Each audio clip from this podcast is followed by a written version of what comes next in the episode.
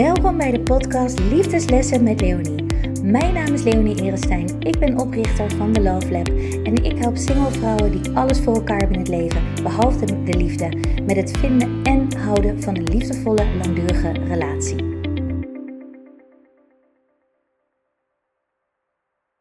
Yes, welkom weer bij een nieuwe podcast. Het is alweer even geleden, maar hier ben ik weer. En uh, we gaan het vandaag hebben over de liefdesfrequentie. En nou denk je, wat de F is een liefdesfrequentie? Nou ja, dat ga ik natuurlijk allemaal uitleggen. Want wij mensen, wij uh, frequeren, wil ik zeggen. Sorry. wij vibreren ook een leuke woordspeling. Nou ja, goed. Wij, um, wij leven op bepaalde energielevels.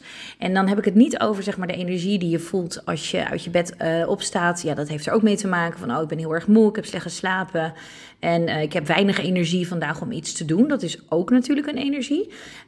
Um, dat is meer zeg maar in het hier en nu en je bewustzijn. En je hebt slecht geslapen en er was een een of andere haan heel vroeg wakker aan het kraaien. Ik heb nu weer last van meeuwen trouwens, die om vijf uur ochtends gezellig uh, me uit mijn slaap halen.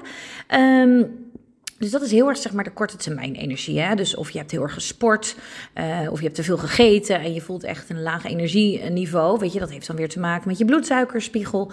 Dus, um, en ik wil het graag hebben over iets anders dan deze energie. Ik wil het graag hebben over de liefdesenergie. En hoe zit dat nou precies en wat bedoel ik daarmee? Ja, ik heb daar zelf een soort model voor gemaakt met drie niveaus. En dat is de lage liefdesvibes, noem ik ze, de middelste en de hoge liefdesvibes. Nou, wat bedoel ik daarmee? Kijk, lage liefdesvibes, dat heeft eigenlijk te maken met de dingen die opgeslagen zitten in je onderbewustzijn.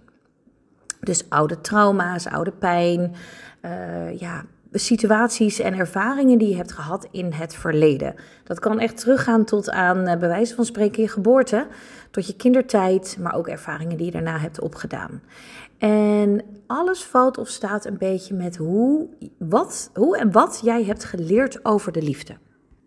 En of je bijvoorbeeld te maken hebt gehad met een vorm van verlies.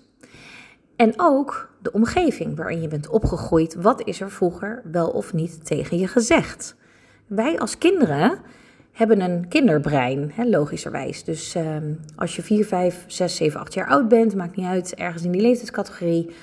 Je kunt naar een situatie alleen maar kijken puur vanuit jouw kinderbrein. Je hebt geen relativeringsvermogen zoals een volwassen, volwassene dat vaak genoeg wel kan. Dus een kind dat bijvoorbeeld wordt gepest, wat natuurlijk ongelooflijk impactvol is, en er wordt aldoor tegen dat kind in kwestie gezegd: uh, je mag niet meedoen, uh, je bent uh, niet snel genoeg, of uh, je kan niet goed knikkeren, of je wordt als laatste gekozen met gym, want je bent heel langzaam en je kan niet goed sporten. En je bent een nerd, want je zit altijd te lezen en je doet niet mee. En kortom, je bent niet goed genoeg uitgelachen worden, tassen die worden verstopt. Zomaar even enkele voorbeelden, maar ook gewoon het duw-trekwerk en gewoon uh, ja, echt pesten op dat level. In welke vorm het ook is, een kind ervaart dat hij niet goed genoeg is. Hij of zij wordt keihard buitengesloten, uitgesloten. Je hoort er niet bij, je doet gewoon simpelweg niet mee. Nou, de impact op zo'n kind is, dat kun je voorstellen, gigantisch. Ook al zal een volwassene altijd tegen een kind zeggen: Het zijn maar woorden, je moet het je niet aantrekken, uh, het gaat wel weer over. Of je geeft ze een klap terug. Weet je, dat, dat zou ook nog een, een idee kunnen zijn. Maar dat neemt niet weg dat het kind wordt beschadigd in dit geval. Dus die zal gaan geloven over zichzelf, hè, op welke leeftijd dit dan ook gebeurt, maar ergens in de kindertijd, dat hij of zij dus niet goed genoeg is. Want dat is zo vaak gezegd. En dat is de kracht van herhaling, zowel in de positieve zin als in de negatieve zin. En een kinderbrein is niet in staat om hier van een afstandje naar te kijken. En de pestkoppen in kwestie uh, eens even op hun, op hun nummer te zetten. En hierboven te gaan staan. Dus dat kind in kwestie wordt hierdoor beschadigd. En dit is even een voorbeeld, maar zo kunnen er ook situaties zijn in het gezin. Bijvoorbeeld een afwezige vader. Een vader die niet emotioneel beschikbaar is. En het gaat niet over een oordeel naar ouders toe. Maar goed, even een situatie schetsend waarbij moeder uh, veel thuis doet, bijvoorbeeld voor de kinderen uh, zorgt, maar wellicht uh, please gedrag vertoont naar vader. Omdat zij dat weer van haar ouders heeft geleerd. En vader die veel aan het werk is om het gezin draaiende te kunnen houden, het geld in het laadje brengt, maar s'avonds eigenlijk ja, niet beschikbaar is voor kinderen. En kinderen in dit geval eigenlijk de liefde op dat moment tekortkomen van de vader. Ik zeg het even in een soort hele traditionele vorm, maar anders moet ik alle vormen gaan uitleggen. Dan ben ik echt nog heel erg lang bezig. Dus ik pak gewoon even het traditionele voorbeeld zoals nu. En wat er dan gebeurt bij kinderen, is dat ze een gevoel van tekort kunnen gaan ervaren. van ik word niet gezien, ik word niet gehoord en uh, ik moet misschien wel mijn best doen voor de liefde. hoe krijg ik nog aandacht van mijn ouders? Uh, misschien doe ik er niet toe. Dus kinderen kunnen allerlei manieren gaan verzinnen om met zo'n situatie, want de behoefte verdwijnt niet, om met zo'n situatie om te gaan. Het ene kind gaat bijvoorbeeld ongelooflijk uh, ook pleasen. die gaat mee op in het huishouden en die ziet dat moeder alles schoonhoudt. En uh, die, die neemt dat over, die taak bijvoorbeeld. En die neemt verantwoordelijkheden over, want die ziet dat de moeder het ook zwaar heeft. Dus die neemt automatisch een soort van patroon over van mama in dit geval. Om vooral heel erg haar best te gaan doen voor een ander. En dat is een stukje ja, overleven. En ook een stukje controle hebben. Want dat geeft een veilig gevoel. Hè? Controle geeft een veilig gevoel, want daar ben je zelf toe in staat. Ben je zelf in charge. En um, andere kinderen, die gaan bijvoorbeeld heel erg hun best doen op school, omdat er misschien nog wel tegen hen is gezegd van nou, uh, als je best doet op je school, op, als je je best doet op school, dan tel je mee in de maatschappij, dan kun je alleen een goede baan krijgen, et cetera. Dus sommige kinderen die ook voor de goedkeuring, als ik een goed rapport heb, dan krijg ik een uh, complimentje, maar ik moet wel minimaal 9 halen op alle vakken, want anders ben ik niet goed genoeg.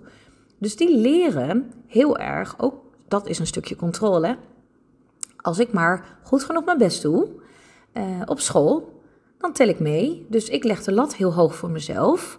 En het is eigenlijk nooit goed genoeg. Want ook zij zullen ergens ervaren dat ook al halen ze negens en tienen, dat het gevoel van onvervulde liefde, dat dat er nog steeds is. Dus er wordt ergens een soort van gat geslagen want het is nooit goed genoeg. En dit zijn dingen die bijvoorbeeld mensen op een latere leeftijd mee kunnen nemen.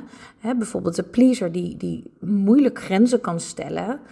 En de prestatiegerichte, uh, uh, die altijd maar de lat nog hoger en nog hoger en nog harder gaat werken. En in beide gevallen zelfs kunnen terechtkomen in een burn-out. En ook bepaalde liefdesrelaties gaan aantrekken die op een bepaalde manier lijken op wat ze van huis uit hebben meegekregen, omdat ze niet beter weten en niet anders hebben geleerd.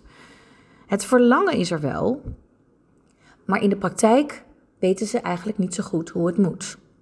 Nou, en wat ik hiermee bedoel, en dit gaat echt niet over een oordeel naar wie dan ook, maar als dit is wat er geleerd is, dan blijf je eigenlijk als volwassene onbewust hangen in de lage liefdesvibes, noem ik ze maar even. Dus hè, de lage frequentie.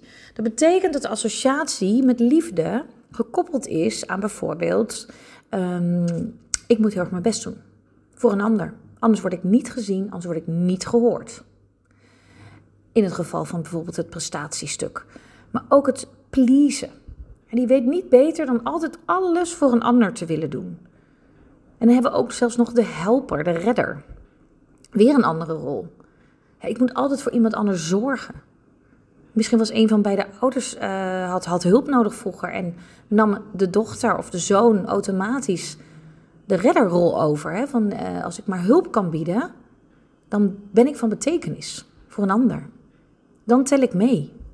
Dan ben ik goed genoeg. En dat zijn rollen die we allemaal onbewust overnemen en meenemen naar ons volwassen leven. En daardoor steeds op een bepaalde frequentie Ehm, opereren. Want we kennen eigenlijk alleen maar deze frequentie waarbij we niet hebben geleerd om onszelf op nummer 1 te zetten. En dat woord op nummer 1 zetten wordt ook vaak geassocieerd met egoïsme of egocentrisch. En dat is een woord waar heel veel mensen een ongelofelijke hekel aan hebben. Nee hoor, ik ben absoluut geen egoïst. Ik ben echt niet egocentrisch. Nee hoor, Echt niet. Ik doe altijd alles voor een ander en ik wil mezelf niet eens op één zetten, want ik weet niet eens hoe dat moet. En het idee om dat te doen, dat bezorgt spontaan een soort van kippenvel, aversie, de rillingen. Nee, daar ga, ik, daar ga ik me niet mee associëren. Maar het gevolg is dat veel mensen dus onbewust in die lage liefdesfrequentie blijven hangen. Omdat ze steeds dit gedrag blijven herhalen en vertonen. Over hun eigen grenzen heen laten gaan. Omdat ze eigenlijk niet eens weten waar die grens is. Maar zich wel achteraf heel verdrietig kunnen voelen. Heel eenzaam. Heel alleen. En kapot. En doodmoe. En het stomme is, is dat ehm, als we dus op deze lage frequentie zitten, en dat heeft dus niets te maken met je persoonlijkheid en dat je vrolijk bent en dat je energie hebt op je werk, of um, alhoewel er zit soms wel een kausaal verband tussen bijvoorbeeld een pleaser en iemand die um, op het werk heel veel op haar bordje krijgt omdat ze gewend is om altijd ja te zeggen. Maar dat is weer een ander verhaal. En wat ik hiermee wil zeggen is dat je um, in de soort van beschikbare modus komt te staan. Dus in je hoofd wil je dat helemaal niet. Je verlangt naar een gelijkwaardige liefdesrelatie en um, iemand die emotioneel beschikbaar is. Maar als je dat bijvoorbeeld niet hebt meegekregen hoe dat dan in de praktijk werkt, wat is een emotioneel beschikbaar persoon? Heel veel mensen die dus uh, op die lagere liefdesfrequentie zitten, die herkennen niet zo goed een emotioneel beschikbaar persoon. En als ze hem of haar al wel herkennen, dan voelt het bijna als een alien, wil ik zeggen. Want dat is onbekend. En um, dus blijven ze eigenlijk onbewust zoeken naar andere mensen die ook in die lage liefdesfrequentie zitten. En die op een bepaalde manier doen denken aan de situatie die ze kennen van vroeger. Bijvoorbeeld afwezigheid van een ouder of ouders, een pleaserrol, een redderrol. Oh, ik zie een slachtoffer die moet gered worden. Oh, ja, dat is de persoon waar ik me tot, voel, tot aangetrokken voel. Want dat is bekend voor mij. En pleasen, ja, weet je, dan, dan trek je automatisch personen aan die gepleased willen worden. Dat kan bijvoorbeeld, ik doe even heel veel uitspraken met labels hoor, maar dan kan ik het iets beter uitleggen. Dus dat kan bijvoorbeeld iemand zijn met narcistische persoonlijkheidstrekken. Want die gaat heel goed op een pleaser. Die weet feilloos, die zit namelijk op dezelfde frequentie. Die weet precies in een gezelschap van 100 mensen, bij wijze van spreken, wie is hier de pleaser en wie niet. Hoe pikt een loverboy zijn slachtoffers uit? Omdat hij precies weet op het schoolplein wie kwetsbaar is en wie niet. En dat is exact zeg maar die frequentie die ik bedoel. Het is niet zichtbaar, weet je, um, nou ja, het is eigenlijk wel zichtbaar. Het is, bijna, het is voelbaar. Het is een energie die uitgestraald wordt. En ook al zegt je hoofd duizend keer: ik ga niet meer in dezelfde valkuil stappen. Ik ga het nu allemaal anders doen. Um, ik ga mijn, uh, ja, ik, ik, ga nu op een andere manier op een dating app of ik ga op een andere manier om me heen kijken. Ik ben me heel bewust. Ik weet dat ik dit doe. Ik ga het nu anders doen. Dat is een fantastisch, fantastische belofte aan jezelf. Alleen het probleem slash de uitdaging zit hem erin, is dat je niet geleerd hebt om op die hoge liefdesfrequentie te zitten, om daarop in te tunen.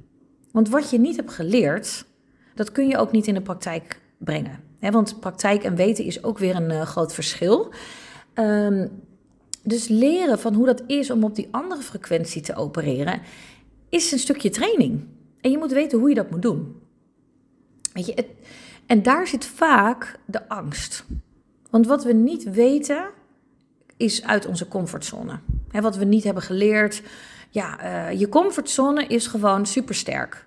Weet je, dat, dat, dat is mindset en, en, en, en gevoel en angst en, en het comfortabele stuk. En soms, en het klinkt ook heel gek, is dat comfortabele juist waarin je steeds wordt afgewezen. Of waarin je steeds opnieuw pijn ervaart. Of uh, relaties die steeds een stuk lopen. Of over je grenzen laten gaan. Weet je, je weet dat je het niet wil, maar het gebeurt elke keer weer. En hoe kan dat nou? En dan ben je misschien heel boos op jezelf. Hoe, hoezo heb ik dit nou weer allemaal laten gebeuren?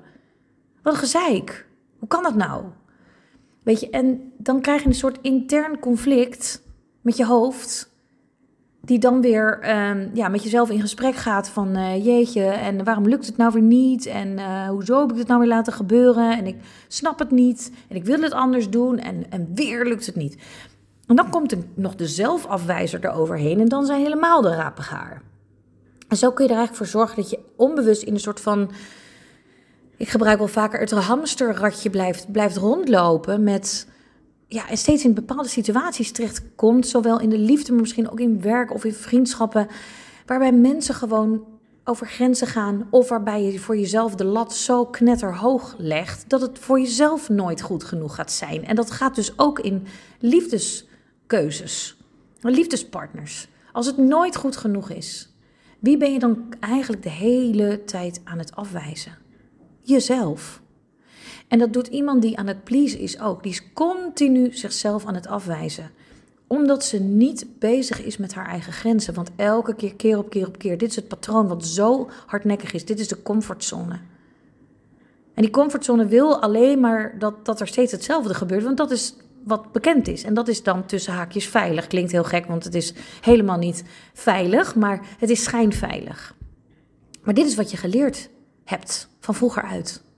Schijnveiligheid. En de enige manier om op een andere frequentie te gaan komen, is om uit die schijnveiligheid te gaan komen, uit die comfortzone. En dit is wat de meeste mensen eng vinden, want dan komen de stemmen, ja, maar wat als, en ik weet het niet, en uh, hoe, uh, want dan gaat de controle weg. En als de controle weggaat, ja, uh, dan weet ik niet wat ik ervoor terug ga krijgen. Dus dat durf ik niet, want dat is een heel groot onbekend gebied. Ja, en wat men niet kent, vind die uitspraak altijd wel mooi. Wat de boer niet kent, dat eet hij niet. Dus dit is daar een voorbeeld van. Die comfortzone is zo ongelooflijk veilig. Althans, dat stempel heb je er onbewust op gegeven. Maar het is dus schijnveilig. Want de echte veiligheid en vertrouwdheid en de liefde, die zit op een ander niveau. En dat is de hoge liefdesfrequentie. En daar geldt bijvoorbeeld de intuïtie. En intuïtie is iets waar we soms helemaal niet meer naar kunnen luisteren. Want die zitten natuurlijk wel, hè? onze gut feeling, die hebben we allemaal. Maar door allerlei ervaringen uit het verleden, ik zeg altijd van we zijn een soort ui en je hebt een kern. En elke keer met, met een ervaring, of het nou, nou even in dit voorbeeld dan pesten is, of um, het niet emotioneel beschikbare ouders. Weet je, er wordt steeds een laagje omheen gelegd en dat laagje uh, komt om de kern. En hoe meer laagjes er omheen komen, die allemaal soort van beschermen, en dat was toen, was dat misschien heel handig, maar nu niet meer. Het dient je niet meer. Maar daardoor zijn we niet meer gewend om bij onze echte kern te komen, om bij bijvoorbeeld dat stukje intuïtie. Terwijl als je dus uit die comfortzone durft te gaan en je gaat leren hoe het is om in die hoge liefdesvibes te zitten, om op die frequentie te leven, dan ga je automatisch leren dat je altijd op je intuïtie kunt vertrouwen. Dus dat betekent ook dat als er mensen op je pad komen um, die niet de goede partner voor je zijn, in welke vorm dan ook, dat je dat leert aanvoelen. En daar waar je voorheen misschien uh, met oogkleppen op stortte in een bepaalde liefdesrelatie die niet goed voor je is geweest, ga je nu voelen van hé, hey, ik, je gaat sneller rode vlaggen signaleren bijvoorbeeld, omdat je leert te vertrouwen op je intuïtie. En niet meer die intuïtie die verstopt zit uh, in, in, in de kern van de ui, waardoor je alles met je hoofd hebt leren te doen. Kijk, en je hoofd is hartstikke leuk, maar die vertelt de hele dag heel veel verhalen aan je. En het is jouw waarheid, het is jouw projectie. En dat is allemaal gebaseerd op ervaringen die je hiervoor hebt gehad. Maar je hoofd is niet zeg maar de raadgever in de liefde. Want die gaat eh, overuren maken met analyseren. Het gaat om je gevoel. Het gaat om je hart. Het gaat om je intuïtie. En om daar weer te komen en daarop te leren vertrouwen, is het nodig om uit die freaking comfortzone te gaan en te leren hoe het is om de stappen te gaan zetten om op dat hogere niveau te komen.